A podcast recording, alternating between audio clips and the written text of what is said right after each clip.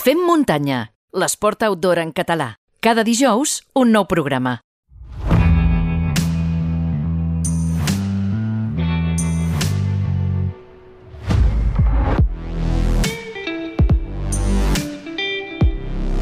I com en cada programa, passem ara per la consulta del nostre coach esportiu de capçalera, el Guillem Marchal, ja ho sabeu, és llicenciat en Ciències de l'Activitat Física i l'Esport i Master Coach per la International School of Coaching. Molt bones, Guillem. Molt bones, Xavi i família muntanyera. Escolta'm una cosa, em deixaries començar d'una manera diferent avui? Bueno, no sé, però si m'ho demanes així, tot i que em faci una mica de por dir-te que sí, mmm, tot que jo sàpiga que sempre acabes fent que et dóna la gana. Així que vinga, endavant. Pues quiero empezar eh, mi reflexión de hoy acordándome de una gente que me ha hecho disfrutar mucho, de un pueblo que me ha dado el aliento necesario para terminar los retos que me he propuesto y de una tierra que es un pequeño paraíso compuesto de distintas tierras. Quiero mandar todo mi apoyo, mi fuerza y mi energía a las gentes de La Palma, que es y seguirá siendo, a pesar de escupir fuego, la isla bonita. He tenido la oportunidad de ir a correr a la isla dos veces, la Transvulcania, y ambas he acabado con la sensación de que irme era arrancarme un trocito de mí y que volver pasaría a ser una obligación.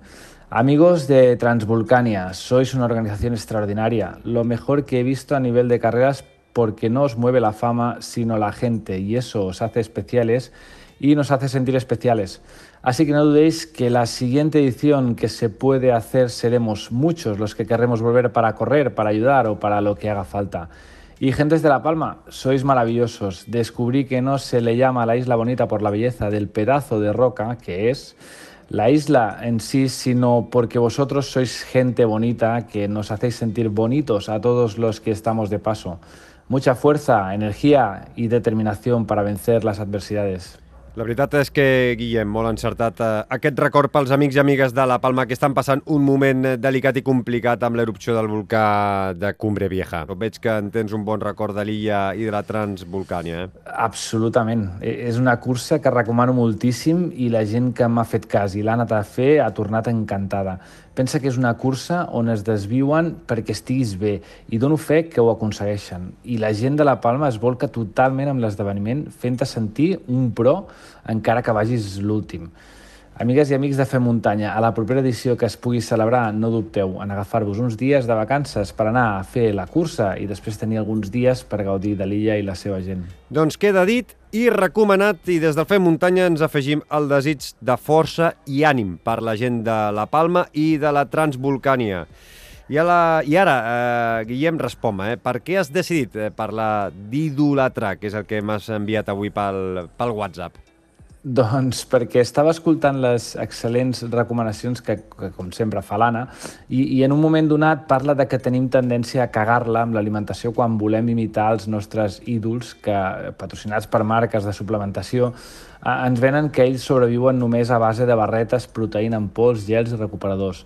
Tot plegat em va fer pensar, què, què ens fa prendre una decisió sense una base lògica? I tens resposta per aquesta pregunta que t'has fet, Guillem? El primer que em ve al cap és que som molt burros i el segon és que hi ha departaments de màrqueting molt bons, però no sé si és la resposta que esperaves. No, doncs eh, coincideix eh, força amb el que penso, eh, però esperava de part teva un punt més de desenvolupament del tema, aquelles reflexions que tant i tant m'agraden, Guillem. D'acord.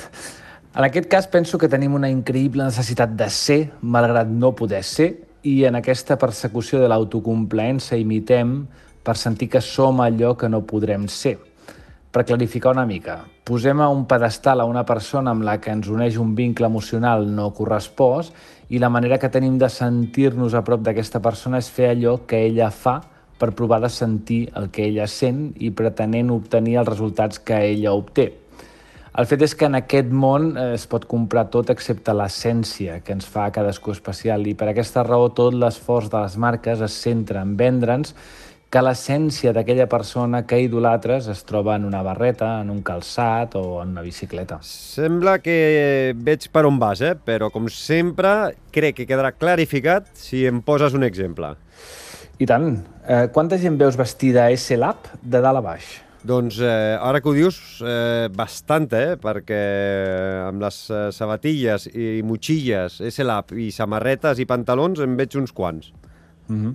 I, I quanta d'aquesta ha basat la seva compra en el magnífic treball que fa Salomon en recerca i desenvolupament? Home, jo crec que és, és bàsic eh, la, la, la, la feina que fa Salomon en això i sobretot amb la part de màrqueting que, que fa i amb els... Eh, com podríem dir-ho, eh? Uh, amb, amb tots els atletes que estan patrocinats.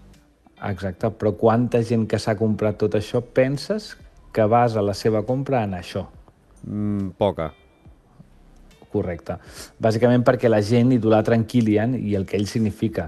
El mateix ens trobem amb, amb gent que es gasta autèntiques barbaritats de diners en una bicicleta concreta que porta un corredor concret. Moltes d'aquestes persones pesen el doble que el corredor en qüestió, però senten que seran lleugers com ell si es poden acostar al seu ideal de corredor, encara que només sigui amb la bici, el mallot o les ulleres. Per tant, creus que no hauríem d'idolatrar les persones que són un referent per nosaltres en algun, algun àmbit en concret, Guillem? Penso que acabes de donar amb la paraula clau quan parles de referent.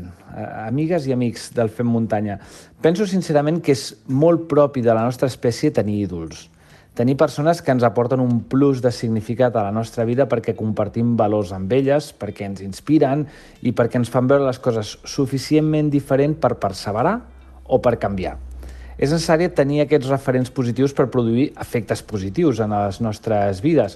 No sé, uh, si, si el fet de veure els documentals del Kilian o de llegir els seus llibres ha fet que molta gent canvi d'hàbits nocius a saludables, doncs, doncs benvingut sigui aquest ídol. Si veure com l'inspiradora vida de l'Evander Pool eh, fa que molta gent jove comenci a pedalar, doncs endavant. Entendre una persona a qui admires com un referent penso que només es pot aportar coses, o sigui, només ens pot aportar coses positives mentre no l'idealitzis. Potser aquesta és la clau, no?, de, de volta, no arribar a idealitzar, no? Vull dir Uh, aviam, així és, fem muntanyeres i fem muntanyeros, aviam.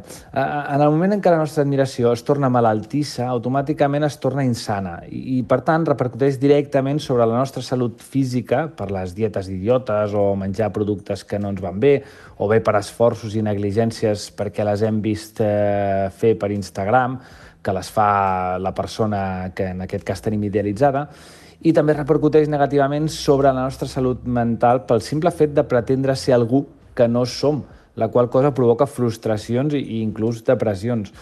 No, no som conscients del mal que ens arribem a fer a nosaltres mateixos quan renunciem a ser nosaltres per ser una persona que mai podrem ser pel simple fet de que no som nosaltres. Doncs queda molt clar que la línia és molt fina entre el que ens fa bé, el que ens pot perjudicar quan idealitzem un ídol i estic veient igual que tu que hi ha molts esportistes que s'estan apuntant al tot val per tal de poder seguir sent professionals. Eh?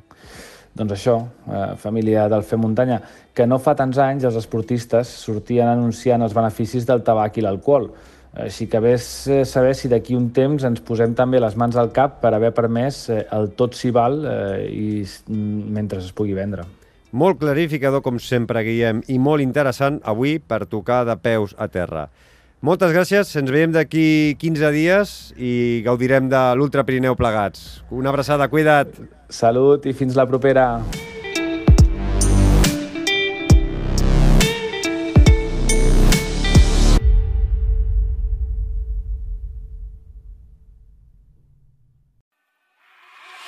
Visita la nostra web femmuntanya.cat